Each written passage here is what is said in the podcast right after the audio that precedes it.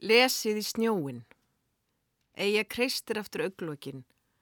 Tind í húsi ókunnugs manns sem skild eftir miða og sagðist vera farin að spila golf. Hann kemi aftur klukkan fjögur. Ef eitthvað er að marka útvarsvekjaran er klukkan orðin hálf ellefu.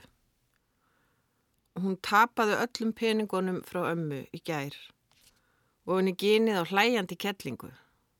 Bara svo hún geti ímyndað sér eitt augnablík að hann væri skotin í veðufræðingunum. Hann spáði hamförum en hann rámaði í að hafa sagt honum hvernig heimurinn hefði verið fyrir hamfarinnar. Fóreldrar manns slást í nokkur ár áður en maður fær sterkar flogaveikistöflur ofin í fyrsta búsið og of álkulegur til að ljótasti strákurinn í skólanum vilji fara í sleik við mann svo maður skamma sín fyrir að verða skotin í strák og síðan fyrir mamma að slást við annan mann og hausinn verður svo fullur að engu að algebrudæmin make engan sense. Það er heldur engin tilgangur í því að læra eitthvað utanbókar um sittni heimstyrjöldina þegar fjölskyldamanns getur dáið hvena sem er. Maður þráir aðeins eitt að elska strák nógu mikið til að gleima og einn daginn texta þó að strákurinn sé kannski orðin kall og þá finnst manni skára að vera á stað þar sem 20 manns fórust í hamfurum heldur en heima hjá sér. Þau dói á stað, skiluru, sem var eins og staðurinn minn og staðurinn þinn Það er líka amma með brós sem skilur allt. Hún amma vinkonu minnar. Hún er í bláum kjól með kvítt hár og fallega snirta neglur en augun er eins og í sjófugli. Vistu, þegar við heimsóttum hana fengum við púrtvín og hlustuðum á hana að spila grík á píanóið.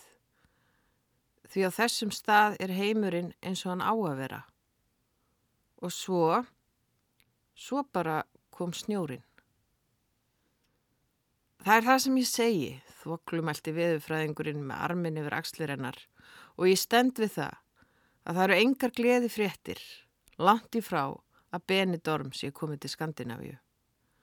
Það eru allir glaði núna, en hvað svo? Hvað gerir við þegar snjórin bráðnar? Hún kist hann aftur. Hvað varðaði hana um framtíðina? Hún var enþá stött í gamla heiminum þar sem allt var á sinnhátt í rauð og reglu. Fjölskyldainnar sunnlenski sósialistar. Fjölskylda stelpunar með sjófuglsaugun, vestfiskir, íhaldsmenn. Í augnablikinu ríkti núið, samkúmulag um fylkingarnar í heiminum. Fólk forðaðist að hugsa um snjó nema að veri veðuteft eða nýbúið að missa allt sitt. Engin heilvita manneskja sá eftir snjónum. Í gamla heiminum hafði hann ekki óra fyrir því að hún ætti eftir að eða nóttu með manni sem hefði áhyggjur af skorti á snjó. Í gamla heiminum hætti pappi lífinu til að keira í kaufilegð eftir matabyrðum og síkaretum. Heimilisfiður festu þrjá landróvera saman í bílalest og hurfin í bylin meðan mamma Jésúaði sig. 13 klukkustundum síðar rampaði pappa aftur á rammakslaust húsið, grafið og hann í skapl. Mamma stóði myrku andirinu, ör af nikotínskorti, þegar hún þreif grunnsamlega léttan plastboka af snjókallinum, kíkt ofan í hann og flegðunum samstundis á dyr. Í pókunum var pakki með bjúum og dolla af órabönum. Yngöpalistinn hafi fókið á ásónum þegar heimilisfeðurnir festu sig í sjönda skipti. Veðufræðingurinn ætti bara að vita hvernig snjórin tryggur að þið geðveiki í viðkvæmum sálum. Þá geta hann lagt fyrir sig veðursálfræði og bjarga ófá manneskum frá sjálfum sér þegar það er ærast í byrtunni af snjónum. Í dalnum fórnaði fólk framtíðinni umhugsunalust fyrir sólardreitil, eina andrá. Snjórin líst upp nóttina þegar mamma öskraði blóðug. Egi og Akka hafðu lofað að passa um kvöldi gegn því að það kemi ekki löggubíl líkt á helgina áður. En fyrst mamma bauð sveitakráni heim í parti, sáu þær sér til neittar að ráðskast með hann í eigin húsi Því litla sýstir var komin með hita. Drullið ykkur í burstu helvítis hórudnar ykkar, gargaði mamma þegar þær höfðu í tvígang lækkaði græjónum, ofur ölfi og staðræðin í að fleia þeim út úr herbygginu þar sem yngsta sýstirinn lá hústandi. Þær eiga tóðust á um hurðina þanga til mamma datt og skall með höfuðið í skeng svo brakaði í hauskúpunni.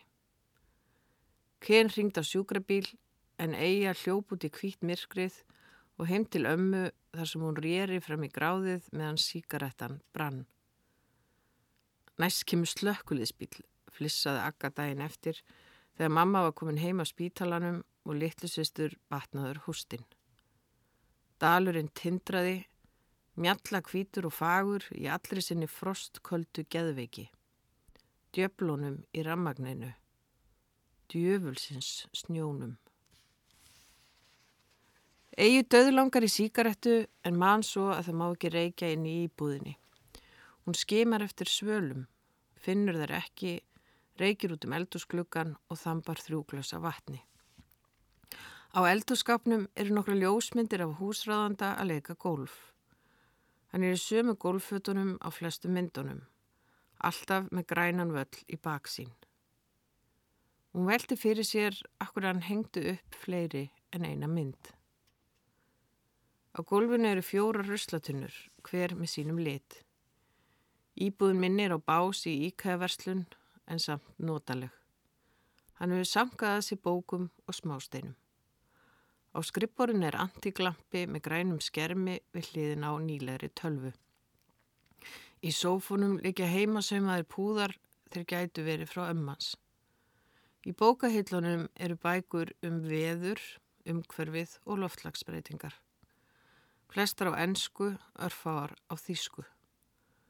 Á vegnum fyrir hann mógreinan tveggja manna sofa hangir innrama plakkat af sofandi manni í sólstól á trepalli úti í frumskói. Hún leita dyrum og dingjum að spreyi til að eida lyktin af síkaretunni en finnur hverki úðabrúsa, hverki baðherbygginu nýja eldhúsinu. Gefst upp og sopnar aftur. Vaknar þremu tímum síðar en þá einn. Nennir ekki vesuninu að reykja í trási við þann sem þarna býr. Skára að læsa sig úti og reykja eins og frjálsmanniska. Hún hlýtur að rampa á rútu, allavega strætó í áttina að rútunni. Þau ætluði eiga annað kvöld saman. Nú má hún teljast heppin ef hún á nókling í strætó. Hún er ekki hissa þótt hún um létti við að koma heim í tóma íbúð. Hún myndi skilja hann manna best. Þetta var skára í annarsinn, hugsaður hún, í fullkominu óvissu um hvort þau hafi gert nokkuð annað en tala um veðrið. Kanski, hver veit, er garrin búin að gera eitthvað svipað. Hún vildi óska þess að hún hætti að hugsa um hann. Hún þarf að ringi hann, útskýra akkur hún hafi ekki ringt. Segjónum að Rúna hafi lengt hann að því að hann hafi ringt. Akkur hún hafi ekki ringt um leið og hún vissi það? Tja, hún skal ekki segja. Hjartslátturinn hamast á gagnaugunum þegar hún telur klingið og hún er út í bílstjóran. Það er auðveldra en hún hjælt að komast leðar sinnar. Auðveldra en að hugsa til hans með keim af súru kampavíni í munninum. Rúna og krakkanir eru ennþá stött í þrautahúsi í nálari sveit þegar eigi ekki minn heim. Guðrún matselja leggur vöflur á borðhandinni og segir spennt að Rúna hafi heyrt að það taki heilan dag að komast í gegnum það. Vonandi ekki lengur, missir eigi út úr sér, svo græskulegs konan kipist við. Heldur að þau geti lokast inni, spyr hún hræld og sest hjá henni. Ég von ekki, segir eiga falskri röttu brosir og býtu vænan bit af öflunni en á í mestu erfileiku með kingjónum þegar matselan stekkur aftur á fætur, áköf þegar hún man eftir því að segja eigi frá pakkanum sem kom með blaðinu daginn áður. Hún rúna hendunum óvart út í hotni öllum látunum út af þessu blaði, auðmingjan stelpan sá hann ekki aftur fyrir ná leiðin út í morgun. Amma sendi mér alltaf pakka, hústar eiga með limkjenda vöfluna í hálsunum og horfur eftirvendingafull á matseljuna. Elska mín, það kom pakki frá manninu þínum, þessum heima á Íslandi. Hún starir á pakkan, berar iljarnar eru sem limdar við viðagólfið. Pakkin stendur á skrippborðinu inn í hjá rúnu. Snjáður, ljósbrún, mertur í bak og fyrir. Halastjarnar sem hrapaði. Hún verður á opnan. Hún mjaka sér nær borðinu, snertir hann. Brennir fingugómana, þrýfur hann í fangið. Hleypur út allarlega þjóðveginum og sest niður. Kveikir í síkarettu, reykir hratt, drefur í rífu pappirinn í sundur. Sér bók. Opnar hana og les stórkarlalega skriftina á sörblaðinu. Keflavík. Halló ásti mín eina. Ég sendi þér þessa bók ekki vegna þess að hún er eftir svíja. Nei, heldur bara vegna þess að hún er góð þó ótrúlegt sé. Ég hef lesið hana en ekki þetta intaksamt. Vonað þú hafið það gott og Guð forði þér frá svíjanum. Elska þig alltaf þinn ex. Hvernig vissi hann um viðfræðingin? Hún vissi að Rúna hafi svarað nokkru símtölum að það gæti ekki verið hún hefði spjallað við garran. Sagði hún honum frá öllu. Hún grýpur magan og ælir lítra af kampavinni. Þerrar munnin loka bókina aftur og lest titilinn. Atburðir við vatn. Steipa. Hvað er hún að gera þarna? Hvað með bókina hennar? Akkur held hún að hún geti skrifað? Hún sem getur ekki neitt. Bara búin að halda fram hjá og nú getur hún ekki einu sinni ring til að þakkunum fyrir sendinguna. Nýjendastið endurhæfingar að gangast við sjálfum sér. Skóabjörnin lætur ekki á sig kræla. Fleiri blöð berast ekki bíli og löggan lætur þar afskiptalöysar. Tíðindaleysið algjert að sleftri einstaka aukvótu frá nágrana hinnum megin gerðisins. Tómið fyllir hana sem aldrei fyrr. Henni tókst að sofa hjá öðru manni en hún hefði ekki gert það ef hann hefði órað fyrir tómleika tilfinningunni sem heldtekur hana núna. Einmannaleikin er meiri en nokkru sinni, svo kníjandi að meira segja skriftirnar virðast tilgangslösar. Hvers konar rítöfundur er það sem þú er ekki að segja hugsin? Nussaði Rúna þegar hún heyrði að eiga hefði enn ekki sagt garranum frá nýja sjansinum. Auðherrilegi vörn eftir að síðan nefnd hefði fyrðað sig á að garrin vissi um svíjan. Egi átti ekkert svar við því. Hún eigir ekki lengur tilgangin með endurhæfingunni. Vissulega er líkamlega þólið orðið betra og hún veit orðið að hana langar til að slíta hjónabandinu. Svo sannfærum daginn að hún ringdi pappa sinn og spurði hvort hann geti ekki bara gengið frá skilnaðinum við garran fyrir sig. En til hvers að hefja nýtt líf ef hún er búin að týna rithöfundinum í sér? Þá er hún ekkert. Hún forðaðist að líta á blöðin sín og flýr út í brennu með krökkunum. Máttvana því hún hefur ekki fundið fyrir matalist í nokkra daga. Þá gætti þess að stinga annarslæði upp í sér bita að appelsínu eða rökkbröði. Hún yppir aukslum þegar krútlega stelpan frá Kolumbíu spyr hvort hún sé hægt að skrifa söguna sína. Fær boltan í skallan. Yppir aftur aukslum þegar stelpan endur tekur spurninguna. Hínar horfa forvittnar á hana. Þær hafa fylst með henni skrifa síðan þær komu. Staðfastar í trúni að einn daginn verði blöðin að alveru bók líkt á sögurnar í tarrótspilum eigu að lífum þeirra sjálfra. Augur úni staðinæmast á henni. Þegar stelpan er hægt að borða er ekki allt með feldu, þykst hún vita. Nú þurfa þær að tala saman. Núna galar hún út um eldursklukan. Egi að hengslast á eftirinni niður á vatninu. Hún hefur ekkert að segja um þetta bladastús allt saman. Hvað getur hún gert í því þó að einhvert ókunnugt fólk sé búið að ákveða og hún sé tyrkneskur eitulífjasali? Þar setist við árbakkan. Sólinn er óþægilega heit, hún brennir hjákollana, auglokkin, þunna húðina á ristónum. Hvað er þetta með þig, spyr Rúna, ákveðin en fyrður hlý í rómnum. Hvað? Hætt að þykjast ekki vita, þú veist alveg hvað ég á við. Eða þeir. Rótar upp þurrum sandi með tanni. Tegir fæturna nær vatninu þar sem jarðvegurinn er blöytur.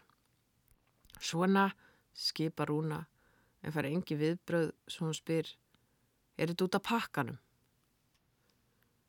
Egir hristur hausinn en lítur samt upp og segir, þú verður að segja mig hvort þú sagður honum frá þessu, að ég hafi hitt hennan svíja. Ég verð að vita það. Hvernig á ég að muna stundinni lengur allt sem ég segi, svarar Rúna kvefsinn. Auk þess voru við ekki að tala um mig, heldur þig. Eia yppir aukslum. Rúna andvarpar. Treður hendinu og hann í vasan á stuttbuksunum og dregur upp kuðlaðan síkarettupakka. Býður henni síkarettu og kveikir í hjá báðum. Um stund sitjar hljóðar og reykja. Loks ber sálfræði áætlun skíðadrottningarinnar árangur. Eia bærir á sér og segir Ég ætlaði. Hún þagnar. Ætlaðir hvað? Ég ætlaði. Hún klöknar sígur í sér reik og heldur áfram. Að bjarga þeim. Hverjum? Nú garranum og mömmu. Bjarga þeim hvernig? Þú veist að ég skrifa bókina. Ég fannst að ef þau vissu hvernig ég sé þetta allt, þá myndu þau skilja allt saman. Rúna færi sinna er eigu og tekur utanum hana laust en þéttir smám saman takið. Hvað viltu að þau skilji? spyr hún sinni hrjúfu röttu. Að mér er sami um allt sem hefur gerst, bara ef þau hægt að drekka, ef þau hægtir að líða illa. Ég skil, segir Rúna skindilega vandraðaleg, en ekki ætlaðirðu að fara að finna upp á neinu svoleiðis með mig. Mér líður ágætlega, skal ég segja þér. Eija lítur upp. Það er horfast í augu eins og tvær framandi dýrategundir sem gæti þó fræðilega getið saman ákvæmi. Augur únu, blika, einlægin óttastlegin, sjáöldrin þanin af forvitni og sér til óstjórnlegar fyrðu skellir eiga upp úr. Nei, hyggst hún, svo gáttuð að rúna lítur snögt undan. Ég hafði eiginlega ekki hugsað svo langt. Kanski hefur ekki þekkt mér nóg lengi til þess, muldra rúna og gjóar á hana augunum. Sem betur fer, segir Eija, og þá hlær rúna líka háum innilegum hlátri. Er þú ekki bara öll í dópinu, flissar Eija. Rúna hóstar upp úr sér enþá hæri hlátri og grettir sig. Það er leifa kviðunni að fjara út reykja og njóta þess að brosa. Rúna rýfur þögnina. Mér þykir leitt að vera svo sem segir þér það, en þetta er djöfuls óskikja í þér að ætla að bjarga þeim. Eða grefur tærnar dýbráðin í sandin. Ef ég get ekki hjálpa þeim, finnst mér ég ekki eiga skilið að lifa. Þú getur ekki bjarga neinum, segir Rúna kæruleysislega. Það er bara common sense. Forstór. Ég held ég gæti það með því að skrifum fólk eins og þau. Ega lítur einlega rúnu. Ég held það í alvörinni. Líka að ég gæti skrifa bók. Ég var svo vittlaus. Fólk sem þarf að bjarga nennir yfirleitt ekki að lesa lífsviskuna upp úr öðrum. Hnussa rúna. Fyrir nú utan það að markmið eru ekki til þess að bjarga sínum nánustu, þvert á móti. Maður þarf að forna þeim til að ná markmiðunum. Hvað áttu við? Bara að það er ímislegt sem maður hefði geta gert öðruvísi. Þannig um árið þegar ég ætlaði á ólimpíuleikana. Hvað þá? Reynda ímyndaði er það? Ert ekki rithundur? Finnst þér það? Þú hlýtur að vita það, manneskja. Ég held það allavega. Jú, þá hlýtur að skilja að það er munur á þeim sem komast á olimpíuleikana og hinnum sem komast ekki. Hvernig þá? Nú bara, aldrei hefði kallinan afiðinn gefist upp. Ég er ekki hann. Þó að þú lesur aldrei neitt, lítur að skilja það. Ég er ekki hann. Nefnilega. Ne nefn hvað? Þú ert þú. Skiðadrottningin horfir yfir vatnið öldungsleg þegar hún segir Sjáðu, þetta er dregafluga. Það eru alltaf hérna á þessum tíma. Já, segir Eija og lítur upp. Ég sé. Eins gott kurrar í hinni. Því fyrr skal ég döð liggja en þú farir heim á þess að klára þessa bók. Og ég skal segja þér eitt. Það getur engin heilvita manneskja skrifa nokkuð skapaðan hlut nema þóra að segja það sem henni finnst. Það veit mér að segja hún ég, verandi lesblind og allt það, elskan mín góða. Hórur eitt Í minningunni er hún fjallkonan, Rúna Sigurgrímsdóttir. Hún byrtist eigu þegar síst skildi. Dröm sín í ljósum bláma þegar hún liftir skýðastaf eins og hljómsveitastjóri sprota sínum, opna loftkendar varirnar og syngur hliðmjúkur í röttu Forstór! Dröm sínin svífur yfir höfði eigu nýju árum setna í Hórugötunni í Barcelona. Hitamistur sem fær bæði hórurnar og hórum ángarana til að líti upp á götunni, allaleið til himna. Þegar hún sönglar, hætti þessu núna, forstor, eller hvað? Þegiðu hvað sér eiga þá, óþreyfull að styðja mömmu heim. Hún er komin allaveg til Barcelona að heimsækja eigu sína í íbúðina sem þau framtíðar eigimadurinn leia í tvö ár. Auðvitað höfðu orðið fagnaðafundir fyrsta kvöldið. Uppur því fóru augum ömmu að flögra frá frumburðunum að lokalknæbunum í Raval þar sem lífsleðir sjóræningjar hröðuðu lífsklukkunni með ódýru brandíi eða súru léttvíni úr tunnu. Þennan daginn höfðu maðgurnar ætlað á ströndina en þrætti þessi stað kaldar þétt setnar knæpur. Mamma var alltaf alveg að koma. Bara augna bleikelskan, gráð bað hún. Alltaf lent að spjalli við kallin á barnum og búin að drekka þremuglösu meira en hún ætlaði þegar eiga létt til leiðast að fara inn á búluna.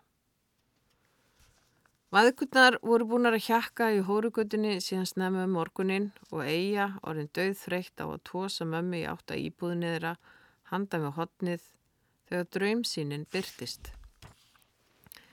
Fjallkonan fyrtist við þegar tannlaus kettling kemur vakkandi eftir gödunni og rænir aðteglinni komin alla leið úr ferðatífolíinu í Sundsvall með alegu ungra stúlkna á milli brjóstana þétt vafða inn í litlust sjál. Kettlingin hlær gapandi framann í mömmu svo skín í grænleitt kjöthold. Gynið er hildjúft þegar hún reytir út úr sér blótsirðum á framandi latínumáli og reynir að fala maðgurnar með smeðjulegri röttu í fjárhættuspill. Eina stundina stött fyrir framaðær, þá næstu fyrir aftan, um leið og hún rækir út úr sér hlátur skvettum.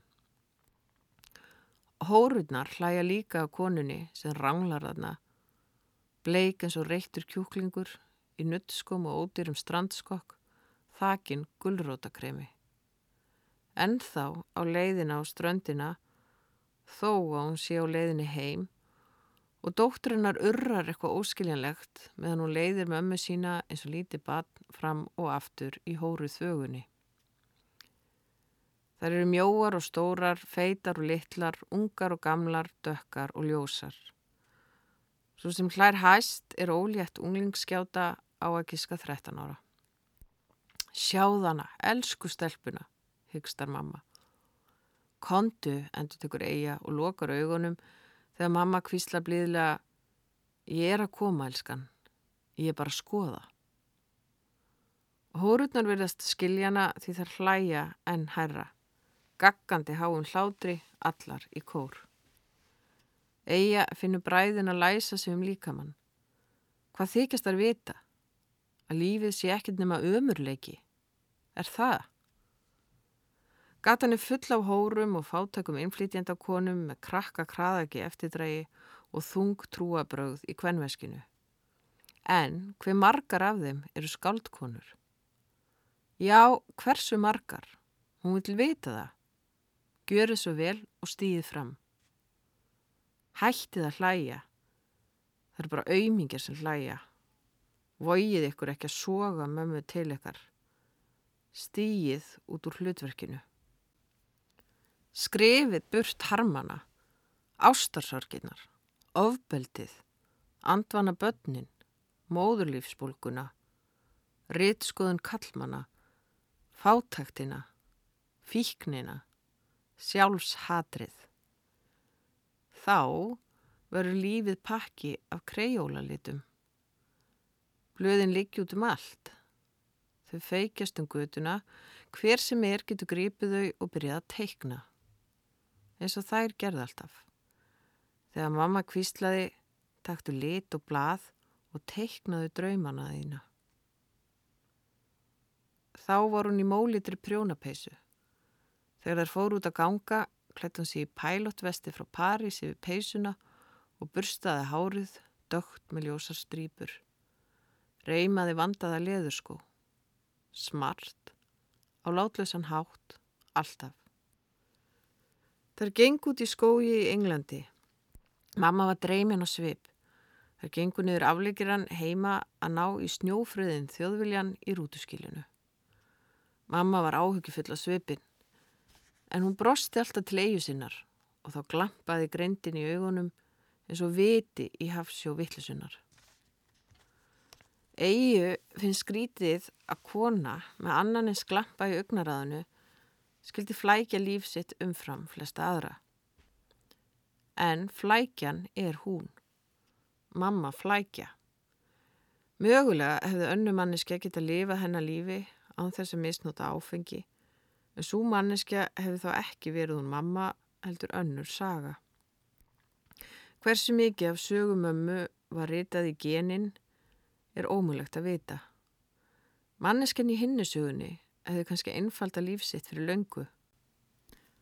Af hverju mamma þráast við að flækja sitt á dótturinnar aldrei eftir að skilja.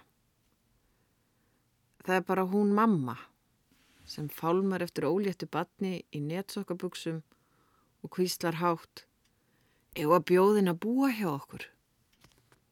Svo einlæg að eigi líður eins og smámun að sumum embættismanni þegar hún kvíslar Það er ekki hægt.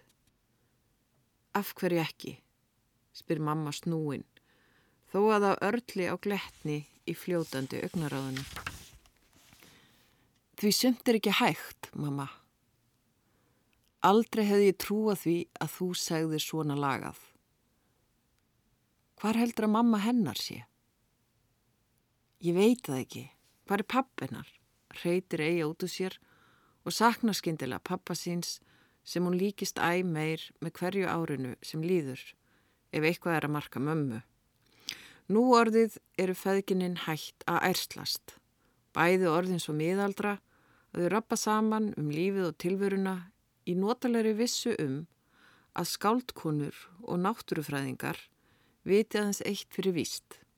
Að þau viti ekkert um alheiminn, ólíkt mömmu sem er svo raunsæ og hún vil sífælt framkvæma hið óframkvæmanlega.